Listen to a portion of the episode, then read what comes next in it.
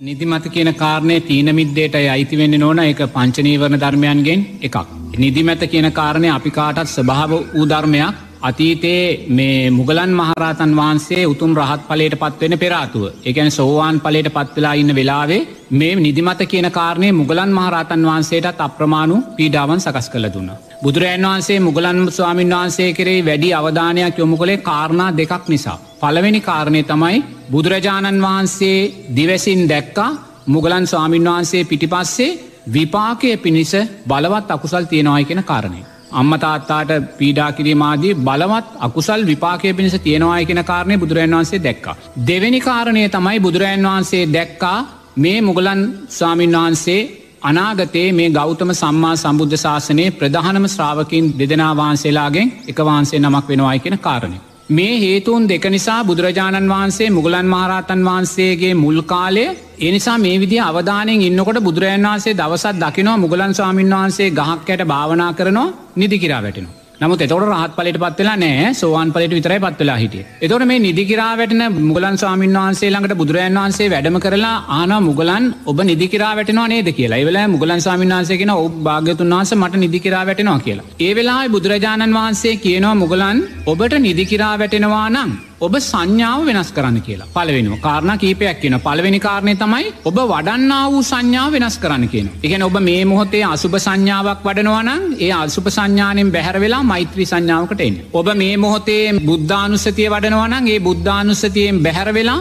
ආනාපාන සතියට එන්න. ඔබ මේ වෙලාවේ අසුබය වඩනවනං අසුබයෙන් බැහැර වෙලා මේ වෙලාවේ දම්මානු පසනාවට ඒවගේ සංඥාව වෙනස් කරන්න කියනවා. එනිසා නිදිමත දැනෙන ඕනෑම් වෙලාවක ඔබ වඩන්නා වූ සංඥාව වෙනස් කරන්න. දෙවනුව බුදුරජාණන් වහන්සේ දේශනා කරනවා මේ සංඥාව වෙනස් කරලා ඔබට නිදිමත දැනෙනවා නම් බුදුරජන් වහන්සේකිනවා ධර්මයක් මෙනෙහි කරන්න කියලා. තේනද මොකක්කෝත් ධර්මයක් බුදුරජන් වහන්සේ දේශනා කලා වූ ධර්මයක් එහෙම නැත්තන් ගාතාරත්නයක තේරුම මෙනෙහි කරන්න කියන. එහෙම මෙනෙහි කරද්දිත් ඔබට නිදිමත දැනෙනවා නම් බුදුරජන් වහන්සේ ඊළඟට කියනවා යම් ගාතාවක් සච්චායනය කරන්න කියලා. ධර්මයක් සච්චායනය කරන්න කියලා දැ මුලින් මෙනෙහි කරා ඒත් නිති මට දැනවා දැන් කියනවා සච්චායනය කනේ කියැන ඉති පිසෝ ගාතාවේවා සබ පාපස් සකරණන් ගාතාවේවා ඔය වගේ යම් ධර්මයක් සච්චායනය කරන්න කියන. මේ ධර්මය සච්චායනය කරද්දිත් ඔබට නිදිමත එනවනම්.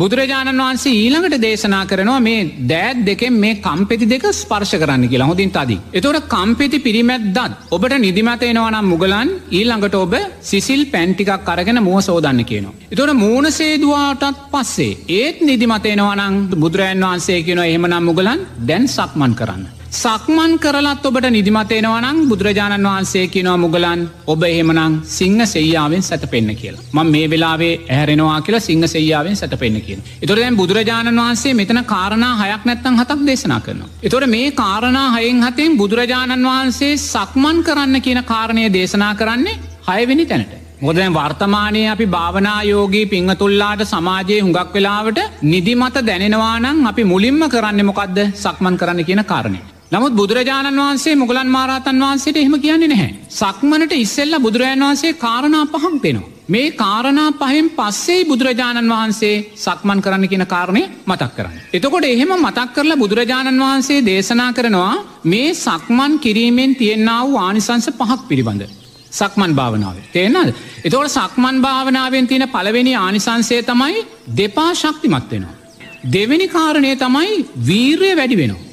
තුන්වෙනි කාරණය බුදුරජාණන් වහන්සේ දේශනා කරන අයාගේ ආහාර ජීරණය ක්‍රමවත් වෙනවා. හතරවෙනි කාරණය බුදුරජාණන් වහන්සේ දේශනා කරන ඔයා නිරෝගී භාවයට පත්වෙනවා. පස්වෙනි ආනිසංසය තමයි සක්මන් භාවනාවේදී සක්මන් භාවනාවේදී සකස් වෙන්න වූ සමාධිය දීර්ඝ වෙලාවක් පවතින. මෙන මේක තමයි සක්මන් භාවනාව තියෙන වටිනාගම. සක්මන් භාවනාවේදී ඇතිවෙන්න වූ සමාධිය දීර්ඝ වෙලාවක් පවතිනවා මේ එරමිනිිය කොතාගන කරන භාවනාව වගේ නෙමේ බුදුරන් වහන්සේක දේශනා කරන. එතකොට මුගලන් මහරහතන් වහන්සේට බුදුරජාණන් වහන්සේ මේ සක්මන් භාවනාව පස්වෙනි තැනට දෙන්නේ ඇයි අර මුල් කාරණා පහ වඩාගෙන ඒත් නිදිමත දැනෙනවා නං බුදුරජන් වහන්සේ අනිවාර්යම දන්නවා මේ සක්මනට බැස්සාට පස්සේ සක්මනේදී සකස් වෙන සමාධයේ ශක්තිමත් භාවය නිසා අනිවාර්යම අපි නින්ද කඩාගෙන එලියට එනවා කියලා. නමුත් අතනද අපි කෙලින්ම එරමිනිිය ගොතාගෙන හිටිය ගමන් අපි සක්මනට ගියා නං අර කාරණ හතරෙන් අපි දුර්වලභාවයට අර ගත්තාව වෙහෙස අපි ගන්න නෑ වීරය ගන්න නැහැ. එතෝට අතනදී අර සංඥාව වෙනස් කරනවා ධර්මයක් මෙනේ කරනවා ධර්මයක් සච්චායනය කරනවා කන් දෙක පිරිමදිනවා මූුණ සෝදනවා මේ සියල්ල කරගෙන ඇවිල්ලා නෝනා අර වීරියත් එක්ක මෙයා සක්මනට වැටෙද්දී. අනි වාර්යෙන් මෙයා සක්මන තුළ ගන්නාව සමාධිය ශක්තිමත් භාවයට පත්වෙන. තේන එතැදී බුදුරජන් වහන්සේ උපක්‍රමශීලී ධර්මයක් තමයි මුගලන් මහරතන් වහන්සේට දේශනා කර. එතොට මෙන්න මේ ධර්මය තුළදී කෙනෙකුට නිදිමත දැනෙනවා නම්. අපි ඒ නිදිමත දැනෙන මොහොතේම සක්මනට යන්න නැතුව මෙන්න මේ බුදුරජාණන් වහන්සේ දේශනා කලා වූ මාර්ගය පසු කරගෙනයි අපි සක්මනට ආයුතුව තියෙන. සක්මට අයතු ති එතැන්දි බුදුරජාණන් වහන්සේ මේ සක්මන් භාවනාවේ තින වටිනාකමේදි කියනවා සක්මන් භාවනාව තුළ සකස් වෙන්න වූ සමාධිය දීර්ග වේලාවක් පවතිනෝ කියල් මෙට මේක ගොඩක් වටිනවා එකන යමෙක් භාවනා කරලා එක මොහොතකින් පංචනීවරණයක් නැවත සකස් කරගන්නවා නම් එවැනි කෙනෙකුට තියෙන එක මේක විසඳුම තමයි සක්මන් භාවනාව තුළ ශක්තිමත් භාවයට පත්වෙන්. එනිසා නිරේතුරුව ගිහිපිංහ තුල්ලාට එරමිනිිය ගොතාගෙන භාවනා කරන්න මේ අපහසුවත් තියෙනවනං අවම වශයෙන් සක්මන් භාවනාව හැදින් යෙදෙන් අපිට අවස්ථාව තියෙනවා. දැ මං වැඩ හිටිය කුටියේ පසුගේ දවස්වල සක්මනක් තියනවා ඒ සක්මනේ දිගමං හිතන්නේ අඩි තිස්පහකිතර දිගයි වැලි සක්මනක් අඩි තිස්පහක්කිතර දිගයි. ඒ වගේම සක්මන් භාවනාව කරන කෙනාට අනිවාර්යම සකස් කලා වූ සක්මනක් අවශ්‍ය වෙන්නේ නැහැ. එනිසා ගෙදරක ජීවත් වෙන කෙනාට ගෙදර තියෙන ආලින්දය ගෙදර තියෙන සාලය සක්මනක් හැටියට භාවිතා කරන්න පුළුවන්. තෙන්න්නද සාලය හෝ ආලින්දය හෝ අනිත්‍යයි විවේක ගන්න වෙලාවට නින්දට ගිය වෙලාවට සක්මනක් හැටියට අනිවාර්යමයට භාවිතා කරන්න පුළුවන්. සෝන රහතන් වහන්සේ කියන්නේ බෝම සුකෝපබෝගී ජීවිතයක් ගතකරපු ගිහි කෙනෙ සිටුවරේ. මේ සිටුවරයා මේ තරුණයා කවදක්වත් මේ බිම දෙපාතිබෙන හැ. සිටු මැදුරේ දෙපාතිබ්බනන් දෙපාතිබ්‍යාර විල්ලුද පලස් මතමයි. සිටු මැදුරෙන් එලියට ගියානං එක්කොගේ දෝලාවකින් එක්කොගේ අස්ස කරත්තයකින් මයි. කවදක්වත් එයා මේ දෙපා බිමට තියල තිබේ නැහැ. ඒ නිසාමයාගේ දෙපා හරිම සිනුදුයි. සිනුදු නිසාම මේ දෙපාවලින් රෝම ඇවිල්ල තියෙනවා. මේ තරුණයා ගිහිගෙහි කලකිරිලා පැවිදිභාවට පත්වෙනවා. පැවිදිභාවට පත්වෙලා සංසාරික පුරුද්දක් නිසාම මෙයා සක්මන් භාවනාව තමයි තෝරගන්න. මේ ස්වාමීන් වහන්සේ සෝන සාමීන් වහන්සේ සක්මනේ සක්මන් කරන අර දෙපතුල්ලොල තියෙන්න්න වූ සිනුදුභාවය නිසා තුන්වහන්සේ තියෙන්න්න වූ අධිවීරය නිසා කකුල් තුවාල වෙලා යටිපතුල් තුවාලලා නොන සක්මන පුරාම ලේතැවරිලා. මේක බුදුරජන් වහන්සේ දිවසින් දකිනවා. දකින්න මොකද මේ සෝන ස්වාමීන් වහන්සේගේ වීරය. දැකලා මේ සෝම ස්වාමීන් වහන්සේට උපකාරයක් පිණිස බුදුරජන් වහන්සේතට වැඩම කරනවා. වැඩම කරලා බුදුරජාණන් වහන්සේ දේශනා කරනවා සෝන අධිවීරයනුත් බැහැරවෙන්න. මොකද අධිවීරිය නිසා අපි තුළ නිරේතුරුව මාන්‍ය සක්කායිදිට්ටිය සකස්වෙන. ඒක හොඳට තේරුම් ගන්නවන භාවනා කරන කෙනා පින්කං කරන කෙනා ඔය හැම කෙනෙක්ම අධිවීරය අපිට නිරේතුරුවම සක්කායිදිට්්‍යය සකස් කලදින. ඒවගේම හීන වීරය නිරේතුරුව අපිට පංචනීවරණ සකස් කල දෙන. එනිසා මේ දෙකෙම බැහරවෙන්න කියලා බුදුරන් වන්සේ දේශනා කරන. එතොට මේ දෙකෙම බැහල වෙලා මේ මධ්‍යස්ථ තැනට මධ්‍යම ප්‍රතිපදාවට එන්න කියලා සෝන ස්වාමීන් වහන්සට දේශනා කරනවා. එතකොට නිරේතුරුව සක්මනේදී සක්මන් කරද්දී අර අධි වීරය කියන කාරණයනුත් බැහැරවෙලා ඒක එකන්තයක් හීන වීරය කියන කාරණයනුත් අපිට බැහැරවෙන සිද්ධ වෙන. එනිසා නිරේතුරුව සක්මනේදී සුදුසු ඊට සුදුසු ඇඳුමක් ඇඳගෙන සැහල්ලු ඇඳුමක් ඇඳගෙන සක්මනට ගොඩවෙන් තේන්න දැම්මංකුව ගෙදර සාලය හෝ ආලින්ද හෝ සක්මනක් හැටියට භාවිතා කරන්න. පුළුව මොකද මේක වටින්නේ මොකක් නිසාද? සක්මනේදී සකස් වෙන්න වූ සමාධිය දීර්ඝ කාලය පවතින නිසා. තේන්න ඒකයිම මේ ගැන කියන්න. එතෝට එයා දැන් සක්මන් භාවනාවිදී සුදුසු සැහැල්ලු ඇඳුමක් ඇඳගත්තර පස්සේ නිරේතුරෝමයා සක්මන්ට ගොඩ වෙලා අරම මුලින්ම කිව්වා වගේ නෝනා සක්මනේ එක කොනක හිටගෙන එයා දෑත් දෙක බිමට වැටෙන ස්භාවට තියාගන්න කොයිලාකත් අත් ඉස්සරහට බැඳගුණ පිටිපස්සට බැඳගුණ සක්මන් කරන්න බැහැ මොකද හිතේ අරමුණට පිහිටනවා. එනිසා නිරේතුරුවම දෑත් දෙක පල්ලෙහාට වැටෙනසේ සක්මනය හිටගෙන නිරේතුරුව මර මංකිව්ව වගේ ප්‍රබෝධමත් හිතක් ඇතිකරගන්න. ප්‍රබෝධමත් සැහැල්ලු සිතක් ප්‍රබෝධමත් හිතක් ඇතිකරගෙන නිරේතුරුව තමා තුළින් තමා ප්‍රසන්න සිනහවක් මුණට ඇතිකරගන්න තොල්පෙති විවර කරන්නතුව ප්‍රසන්න සිනහවක් මුණ ඇතිකරගෙන දැන්යා සක්මන් භාවනාවට යොමුුවෙන් වෙනවා. දැන් සක්මන් භාවනාවට යොමුුවෙන වෙලාවේ නෝනා අපි දකින්න ඕනේ සක්මන් භාවනාවත් තුළින් අපි සමාධිය කියන කාරණය විතරක් නෙමේ බලාපොරොත්තුවෙන්. එතවට සෝන ස්වාමීන් වහන්සේ සක්මන තුළනේ උතුන් චතරාර සත්‍ය අවබෝධය මතු කරල ගත්තේ. එනම් මේ සක්මන් භාවනාව තුළ චතුරාර් සත්‍යය මතු කරලා දකින්න පංචුපාදානස්කන්දේ අනිත්‍ය භාවය මතු කරල දකින්න අපිට පුළුව. එනිසා නිරේතුරුව සක්මන් භාවනාව අපි උපයෝගී කරගන්න ඕනේ ධර්මානුකූලව මේ විදර්ශනාමය නුවන සකස් කරගන්න මයි. එනිසා ඒ විදර්ශනා නුවන සකස් කරගන්න සක්මන මතු කරගනිද්දී නිරේතුරුවම සක්මනට ගොඩ වෙලා දැම්මංකිවා අධිවීරයට යන්නත් එපා හීනවීරයට යන්නත් එපා. මොකද සමහර පිංහතුල්ලා මන් දැකලතිනවා සක්මනේ වේගෙන් අඩි තියෙනවා. එකන එක පියවරක් තියලා ඊළඟ පියවර අඩියක් අඩි එක හමාරක් එහට තියෙනවා. වේගවත් ආකාරෙන් සක්මනින් සක්මන් කරන. තව සමහර පිංහතුල්ලා මන් දැකල තියෙනවා එක පියවරක් තියලා ඒ පියවරේ ගෑවෙන ප්‍රමාණට අනිත් අඩිය තියෙන. ඒක එක අන්තයක්. අර වේගෙන් ඇවිදිනවායි කියෙන කාරණය කාන්තයක් අර සෙමෙන් සෙමෙන් පියවරේ පියවර ගැටෙන සභාවට තියමින් ඇවිදිනවායි කියෙන කාරණය තවන්තයක් මේ දෙක අන්ත දෙකක් ඒක හොඳට තේරුම් ගන්නවා අන්ත දෙක තුළ ඇලීම් ගැටීම් තමයි සකස්වෙන්. එනිසා මධ්‍යස්ථ ස්භාවයට අපි එනවා කියන්නේ එක පියවරක් තියලා ඊළඟ පියවර නෝනා අඟල් අටක් අඟල් හයක් වගේ ප්‍රමාණයට තියන්න දක්ෂ වෙන්නවා. නමුත් සමාජයේ භාවනාවන් උගන්නන පිංවතුල්ලා ගුරු මහත්ම මහත්මීන් ගිහි පැවිදි පිංහතුල්ලා ඉන්නවා ඒ තැංගුල නොන එකේ කාකාරෙන් සක්මන් භාවනාව පුහුණු කරනවා. තේන්න පියවරේ ඇතිවීම නැතිවීම දකිනවා ඔසවනවා තබනවා ගෙනයනවා කියල දකිනවා වම දකුණ කියල දකිනවා මේ සමාජය තුළ අප්‍රමාණ භාවනා ක්‍රමවේදයන් තියෙන. ඒ ක්‍රමවේදයන් ඔබ පුහුණු කරලා ඒවා තුළින් සමාධයක් විදශනාවක් සකස් වෙනවා නං ඒ ක්‍රමයන් ඉස්සරහට අර්ගෙනයන්. ඒවාගෙන මං වත් මුකුත් හරි හෝ වැරදි හෝ කියන්නේ නෑ අපිට අදාළ සමාධියත් ප්‍රඥාවත් කියන කාරණය. සමාජය තුළ තියෙන ක්‍රමවේදයන් තුළින්ගේ සමාධිය ප්‍රඥාව සකස් වෙනවනං සාධසාදු ඒ මාර්ගය ඔස්සේම අපි අස්රහට යන්න ඕන තේරනාද මාර්ගය ක්‍රමය කුමක් වුණත් ප්‍රශ්නයක් නෑ අදාළ වෙන සමාධිය සහ ප්‍රඥාව. එනිසා මෙතනති මං ඔබට මතක් කරන්නේ සක්මන් භාවනාව තුළින් විදශනාව මතු කරගන්නාව ආකාරය. එනිසා දැන් ඔබ සක්මනට ගොඩ වෙලා අරආකාරයෙන් අධිවීරය හීනවීරය කියන කාරණා බැහැර කරලා නිරේතුරුවම එක පියවරක් තබලා ඊළඟ පියවර අඟල් හයක් අඟල් අටක් වගේ ප්‍රමාණයට තබන්. තබමින් ඔබ සක්මන් කරන්න. සක්මන් කරද්දි කොයි වෙලාකුවත් මේ පියවර ඔසවනවා තබනවා තියෙනවා කියන කාරණය හිතන්නයන් අවශ්‍ය නැහැමකොද දැන් මුලින්ම අපි සමාධිය ඉලක්ක කරන්න. සමාධිය ඉලක්ක කරද්දි විතර්කොල්ට යන්න බැහැ. හිතන්න බැහැ දැන් ඔස්සවනවා තබනවා තියෙනවා කියද්දි ඒ හිතන හිතන මෝතක් පාසා විතර්කයි අපි තුළ සකස්වෙන්. එනිසා නිරේතුරුව සක්මන් කරද්දි පියවර තබමින් මං කිව්ව වගේ අර අඟල් හයක් කටක් ප්‍රමාණට දුරින් පියවර තබමින් පියවර දකිමින් යන්න. පියවර දකිමින් පියවර දෙස දකිමින් යන් මේක ඔස්සවෙනවා තබනවා තියෙනවා කියන අවශ්‍යතාවය නැහැ. හිතන්න අවශ්‍යතාවයක් නැහැ. පියවරේ කුමක්ද සිද්ධ වෙන්නේ පියවර දෙස දකිමින් යන්න. හිතන්න යන්න බෑ රානාපාන සතියදද හිතන්න යන්න එපා දැමකොද මෙතනත් අපි සමාධි මට්ටමකට හිත මුලින්ම ගන්න. එතොට සමාධි මත්තමටම හිතගනිද්දී පියවර ගැන හිතන්න තබනවා තියෙනවා උසවනවා වම දකුණ මේවා කියන ප්‍රමාණ්ට අපේ සමාධිය තවතව ප්‍රමාධ භාවට අපි පත් කරගන්න. එනිසා හිතීම තහනං එතනදී දැකීම කරන්න පියවර දකිමින් යන්න.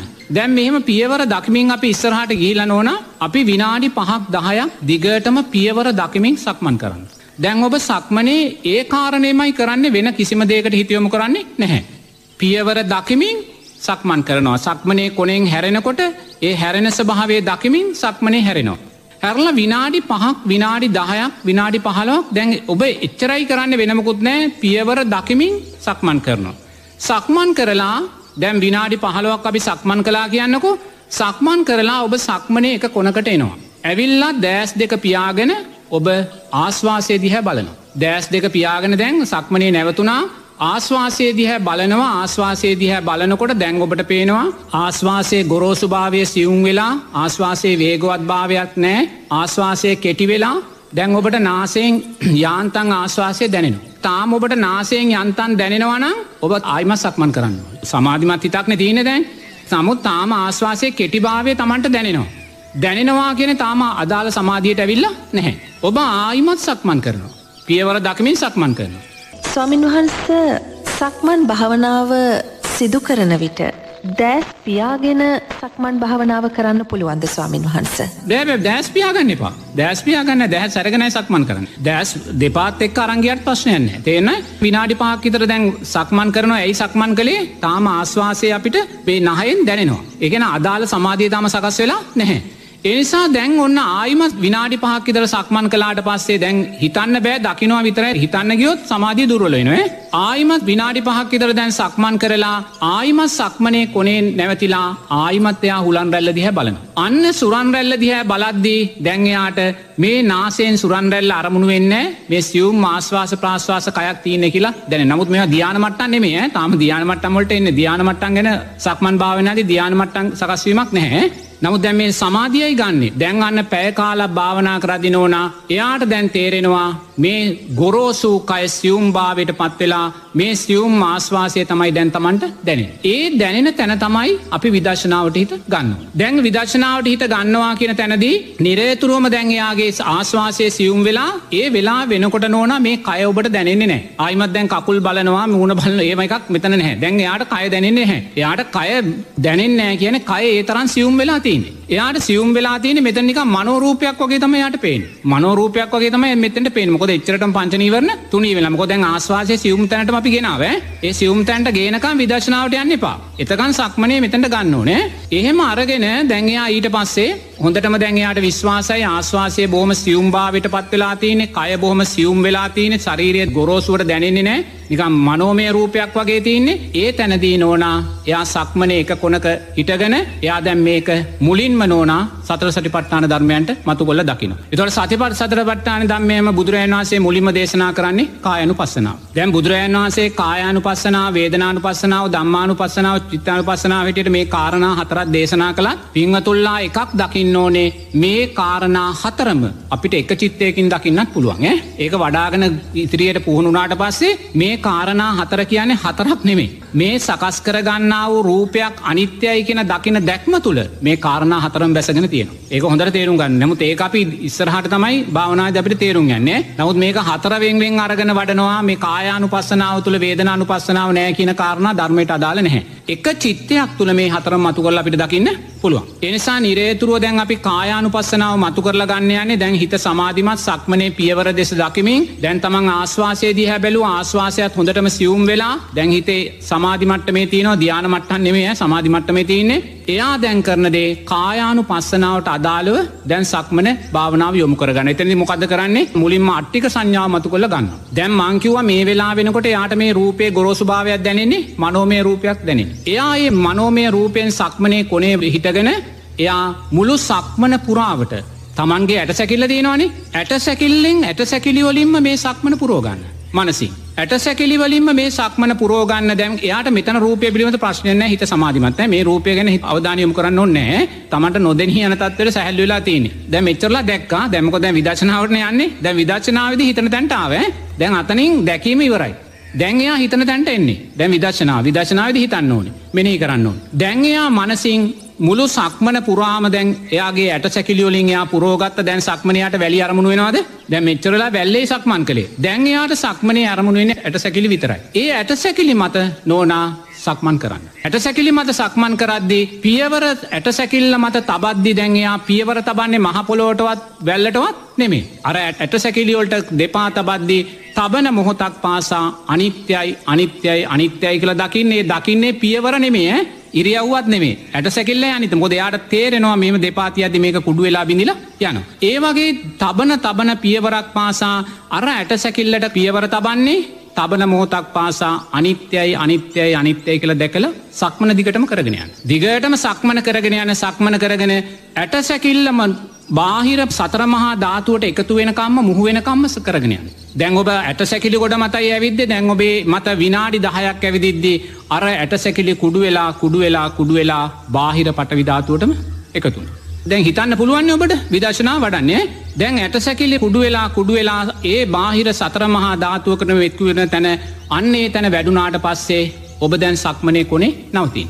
නවතින්න නවතිනකොට දැන් ඔබ හිතලතින්න ඔබට දැන් රූපය තුළින්ම ඇට සැකිල්ල මතු කොල්ල දකින්න පුළුවන් ඔබේ රූපය තුළින්ම ඇට සැකිල්ල මතු කොල්ල දකිමින් දැම් මෙච්චර වෙලා වැඩුවා වූ සක්මන් භාවනාව තුළින් ඔබ සතර සටිපට්ටාන ධර්මය මතු කොල්ල දකි. ඒ සතර සටිපට්ටාන ධර්මයන් මතු කරල දකිද්ද ඔබ සක්මන කොනේ හිටගෙන නිරේතුරුව දකින්න මේ අට්ටික සංඥාව මේසා මොහොතක් වැඩුනේ මේ රූපය ඇසුරු කරගෙනයි මේ වැඩුණා වූ අට්ටික සංඥාව වැඩුණා වූ රූපය නිත්‍යද අනිත්‍යද අනිත්‍යය. එන මේ සක්මන් භාවනාව තුළ අට්ටික සංඥා වැඩුණා වූ රූපය අනිත්‍යයි කියලා දකිද්දී එ මේ අට්ටික සංඥාවත් අනිත්‍යයි කියලා දකිද්දී ඒ අපේ තුළ වැඩුණේ කායනු පස්සනාව. ඊට පස්සේ නිරේතුරුව දකින්න මේ අට්ටික සංඥාව මෙච්චර මොහොතක් වැඩුව වෙලාවේ දැන් සක්මනේ අපි හිටගෙන හිතනව. නුවනින් දකිනව. දැන් සමාධිය පිළිබඳ ප්‍රශ්නයක් ඔබට නෑ ඊළඟට දකින මේ අට්ටික සංඥා වැඩීම තුළ මාතුළ සකස් වනේ සැපවේදනාවද දුක්වේදනාවද උපේක්ෂාසාගත වේදනාවද්ද උපේක්ෂාසාගත විඳීම. ඒ උපේක්ෂාසාගත විඳීම් නිත්‍ය වුණාද අනිත්‍ය වුණාද ඒ අනිත්‍යයි කියලා දකිද්දිම ඔබ වේදනානු පස්සනාවේ අනිත්‍ය භාවය දකිනවා. ඊට පස්සේ ඔබ දකින්න මේ සෑම අට්ටික සංඥාවදී මේ සකස් වනා වූ සෑම සිතුවිල්ලක්ම නිත්‍ය වුණාද අනිත්‍ය වුණාද? අපි මුලින්ම අට්ටික සංඥාව දැක්ක අට්ටික සංඥාව ක්‍රමාණුකූලව බාහිර සතර මහාධාතුට එකතු වෙන හැටි දැක්ක මේ සෑම දැක්මක්ව සකස් වනේ සිතුවිල්ලක් හැටියට. මේ සිතුවිලි නිත්‍යද අනිත්‍යද? අන චිත්තානු පස්සනාව අනිත්‍ය භාවය දකින. මේ අට්ටික සංඥාව මේ සක්මන තුළ වැඩුණ වැඩෙද්දිල් සකස් වනේ අපි තුළ පංචනීවරණ නෙමේ සප්ත බොජ්ජන්ගයන්මයි ඒ සප්ත බොජ්ජන්ගයන් නිත්‍යද අනිත්‍යද? අනිත්‍යයි අන්න දම්මානු පස්සනාව වැඩන. එතුට අන්න සක්මන් භාවනාව තුළ අපි සතර සටි පට්නාන ධර්මය දැන්යා සක්මනේ කොනේ හිතකන එක හිටන්න නොනැස් දෙක පියාගෙන මොකද එයාට දැන් සමාධී හිතිය නොහිතේ. ඒ සමාධියෙන් එයා හිතනවා. ඊට පස්සයා නිරේතුරුවම ආයිමත් එතනින් දන්න ඕනා එයා මේ සක්මන් භාවනාවේ අට්ටික සංඥාව පංචු උපාදානස්කන්දය අනිත්‍ය භාවයක් හැටියට දකිනවා. ඒ පංචුපාදානස්කන්දය අනිත්‍ය භාවයක් හැටියට දකින මේ සක්මන් භාවනාවද මේ අට්ටික සංඥාව වැඩුණේ රූපය ඇසුරු කරගෙන ඒ රූපය නිත්‍යද අනිත්‍යද අනිත්‍යයි ඒකැන වර්තමාන රූපස්කන්දය අනිත්‍ය භාවය දැක්කා. පංචුපාදානස්කන්දයට අදාළ. එතොට මේ වැඩුනා වූ ඇලීම් ගැටීම් උපේක්ෂාවන් කියන කාරණා තුළ ඇලීම් නෙමේ ගැටීම් නෙමේ සකස් වනේ උපේක්ෂාවයි සකස් වනේ සක්මන් භාවනාව තුළේ උපේක්ෂාව කියන වේදනාව නිත්‍යද අනිත්‍යද ඒ ඇන වේදනානු පස්සනාව වේදනාස්කන්දය අනිත්‍ය භාවය දැක්කා. එතවට මේ සක්මන් භාවනාව තුළ අපි කොච්චරනං හඳුනා ගැනීම අපි සකස් කරගත්තද ඒ හඳුනා ගැනීම් මේ ඇට සැකිලි හඳුනාගත්ත මේවා සතර මහාධාතු හා මුහුවෙනවා හඳුනාගත්ත ඒ සෑම හඳුනා ගැනීමක්ම නිත්‍ය වුණාද අනිත්‍ය වුණාද අන්න සංඥාස්කන්දය අනිත්‍ය භාව දකින. එතොර මේ සක්මන් භාවනාව තුළදී සකස් වනා වූ සංස්කාරයන් කුසල් සංස්කාරයන් නිත්‍ය ධනිත්‍යද අනිත්‍යයි අන්න සංස්කාරස්කන්දය අනිත්‍ය භාවේ දකිනවා. එතොට මේ සක්මන් භාවනාව තුළ සකස් වනා වූ විශේෂූ දැනීම් විඤ්ඥානය නිත්‍ය වූ දෙයක්ද අනිත්‍ය වූ දෙයක්ද අනිත්‍යයි අන්න විඤ්ඥානස්කන්දය අනිත්‍ය භාවය දකින. එතවට වර්තමාන පංචුපාදානස්කන්දය අනිත්‍ය භාවය මතු කොළ දකින. ඊට පස්සේ අතීත පංචුපාදානස්කන්දය අනිත්‍ය භාවය දකිනවා සංසාරයක් පුරාවටමම් පටිච්ච සමුපන්නෝ ඉපදිලා කොච්චර නම් මේ සක්මන් භාවනාව තුළ අට්ටික සංඥාව මතු කොල්ල දකින්න ඇද්ද. ඒ දැක්ක සෑම අට්ටික සංඥාවක මතු කල්ල දැක්කේ රූපය ඇසුරු කරගෙන අතීත රූපස්කන්දය නිත්‍යද අනිත්‍යද අනිත්‍යය.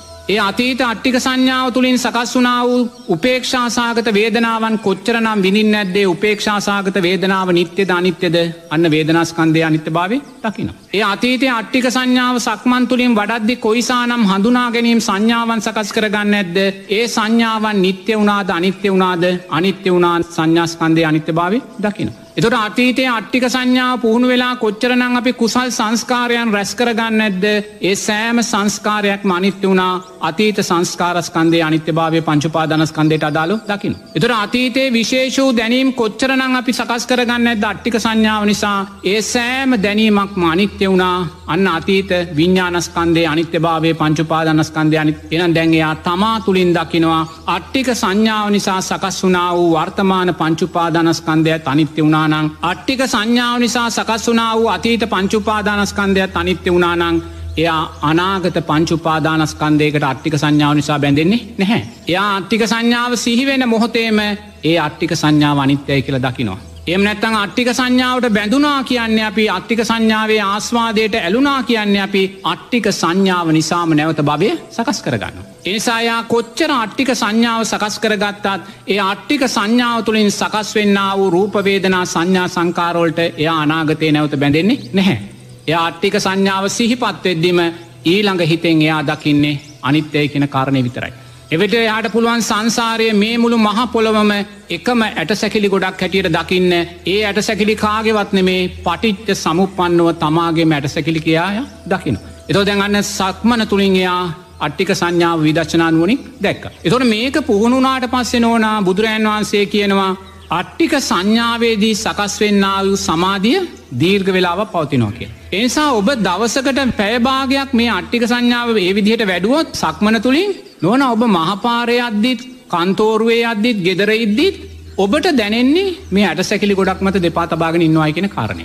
ඔබට ආයිමත් ඊට පස්සේ මේ පැයම් පෑට මේ සක්මනට යන්න හැ. ඔබට ඕන වෙලාවක මහපොලෝ දෙපා තබාගෙන ඉද්දි ඔබට දැනෙන්නේ මගේ මැට සැකිලිකොට මත දෙපා තබවාගෙන ඉන්නවා කියන කාරණය. ඒ සිත සකස් වෙද්දි ඔබට තියෙන අනිත්‍යය කියලා දකින්න විතරයි. මොකද ඔබ අනාගත පංචුපාදානස්කන්දයට දැම් බැඳෙන්නේ නැහැ. ඔබ අත්තික සංඥාවටයි මේ ඇට සැකිල්ලටයි මේ දෙපාතියන්නේ මගේ සංසාරයේ පටිත්ත සමුපන්න ඇට සැකිලි ගොඩටයි මේ මන් දෙපාතියන්නේ මේ මුළු සත්වර ප්‍රජාවගේ ඇට සැකිලි ගොඩටයි මං කකුල තියන්න කියන තැනදිම ඔබට තියන්නේ ඒ හිත අනිත්‍යයේ අට්ටික සංඥාව අනිත්‍යය කියලා දකින්න විතරයි. තේරන්න මොක දැන් ඔබ අතීත පංචුපාදානස්කන්දේටත් යොමු කල බැලු අනිත්‍යය වර්තපබාන පංචුපාදානස්කන්දේට අට්ටික සංඥාව යොමු කළ අනිත්‍යයි ඉනිසා ඔබ දැන් අනාගතය ආයම තට්ටික සංඥාවට බැඳෙන්නේ නැහැ. ඒවගේ නිරේතුරුවම ඒ සක්මන තුළින් සකස් කරගන්නා වූේ අට්ටික සංඥා සමාධියනෝන දීර්ඝ වෙලාවක් දීර්ඝ කාලයක් පවතින්. ස්වාමින්වහන්ස දැන් භාවනාවේ යෙදිලා ඉන්න භාවනා යෝගියෙකු. මිය ගියහොත්. ඒ යෝගයාගේ ඊළඟ භවය කොහොමද ස්වාමින් වහන්ස සකස් වෙන්නේ. අම් මෙහෙමයිති භාවනා යෝගීව ඉන්න වෙලාවකට මරණය සිද්ධ වෙන්න පුළුවන්. ඉති මරණය සිද්ධ වනානං අනිවාර්යම ඊළඟ උපත සිද්ධ වෙන්න උපාදාන පච්චා බවගෙන ධර්මතාවේ. එච්චර වෙන දෙයක් නැහැ. කාගේ මරණ සිද්ධ වනත් උපාදාන පච්චයා බවකෙන ධර්මතාවය සිද්ධව. ඒ වෙලාවයාට උපාදානය වුණේ කුමක්ද ඊට අදාළ භවය සකස්සුන්. එයා ඒ වෙලාවේ ආනාපාන සති ආස්වාදයට අදාළව හිටියනම් ප්‍රූපාවචර දයානොල්ට ආස්වාදයට අදාළව හිටියන රූපාවචර බ්‍රහ්ම තලෙකිපදේ. අරූපාවචර ධ්‍යානවල ආස්වාදයට අදාළ උපාදානය සකස් වනාන අරූපාවධ්‍යානක උපත්. ඒවගේ මේ අට්ටික සංඥා වඩමින් අට්ටික සංඥාවේ ආස්වාදයට බැඳිලා හිටියන යා සස්්‍රීක දිවතලයකිප දෙවිදශනානුව සකසුනේ නැහැ ආස්වාදයට බැඳුනේ නමුත් එයා වඩන්නේ අට්ටික සංඥාව. එයා වඩන්නේ මරණානුස්සතිය. එයා වඩන්නේ ආයතන භාවනාව. නමුත් නොන එය ආස්වාදයට බැඳිලයි ඉන්න. අට්ටික සංඥාව වඩලායේ අට්ටික සංඥාව නිසා සකස් වෙන්න වූ සංස්කාරයෙන් අනිත්‍යය කළයා දකින්නේ නැහැ. අට්ටික සංඥා නිසා සකස් වනාව පංචුපාදනස්කන්දය අනිත්‍යය කියල දකින්නේ ආස්වාදය තුළ අට්ටික සංඥා වඩමින් ඉන්න. ආස්වාදය තුළ සතර මහධාතු වඩමින් ඉන්න. ආස්වාදය තුළ ආයතන භාවනාව වඩමින් ඉන්න. ආස්වාදය තුළ මරණානුස්සේ වඩමින් ඉන්න. තොරේ ආස්වාදය නං ආදිනවයක් තියෙන. ඒගෙන භවය සකස් වෙන. ඒ විදශනානුවක් ඇතිකරගත්තේ නැහැ. එතොට ආස්වාදය තුළ මරණානුස්්‍යතිය වඩමින් ඉඳමිනුත් ඒකේ ආස්වාදයක් ඇතිකරගත්තන එයා සස්්‍රීක දෙවියෙක් වෙලා සස්්‍රීක මනුසෙක් වෙලා ඉපදේ. එහෙම වෙලා ඉපදේ. හොඳේ? දානේ දීලා දං පිටිපස්ස පින තියෙනවන සස්ත්‍රීක වෙලා ඉපදේ නැත්තින් සස්ත්‍රීක භාවයෙන් අඩු දෙවි කෙනෙක් වෙලා ඉපදේ.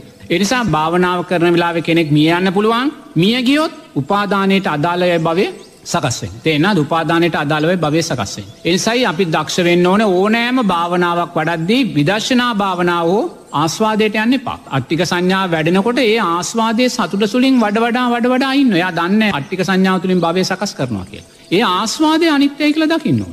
අයි හැම්වෙලාම ඇලීම් ගැටීම් දෙකටම යන්න එපා ගැටීම් වලින් බැහර වෙලා ඇලීම් වලට යන්නත් එපා උපේක්ෂාව කියන තැන හිතාරගෙන උපේක්ෂාවත් අනිත්‍යය කළයා දකින්නවා. දැක්කොත් තමයි විදශනානුවන සකස්වෙන් සෝවාන් පලේ පැත්තට අපිට යන්නවෙන්. එමනතුව කෙනෙක් හිතනවනම් මම නිරතුරුව මරණානුස්සතිය වඩනවා. වඩලයේ ආස්වාදය තුළ ඉන්නවා මිසක්කේ ආස්වාදය අනිත්‍ය භාවය දකින්නේ නැහැ. එයා මරණානුස්සතිය වඩමින් ඉද්දි මැරුණත් නොනයා නැවත උපතකට යන සෝවාන් පලට පත්වවෙන්න වඩමින් ඒ සංස්කාරයන්ගේ අනිත්‍ය භාවය ඒ රූපේ අනිත්‍ය භාවය ඒ පංචුපාදානස්කන්දය අනිත්‍ය භාවයක් හැට මතු කරමින් දකින්නවා.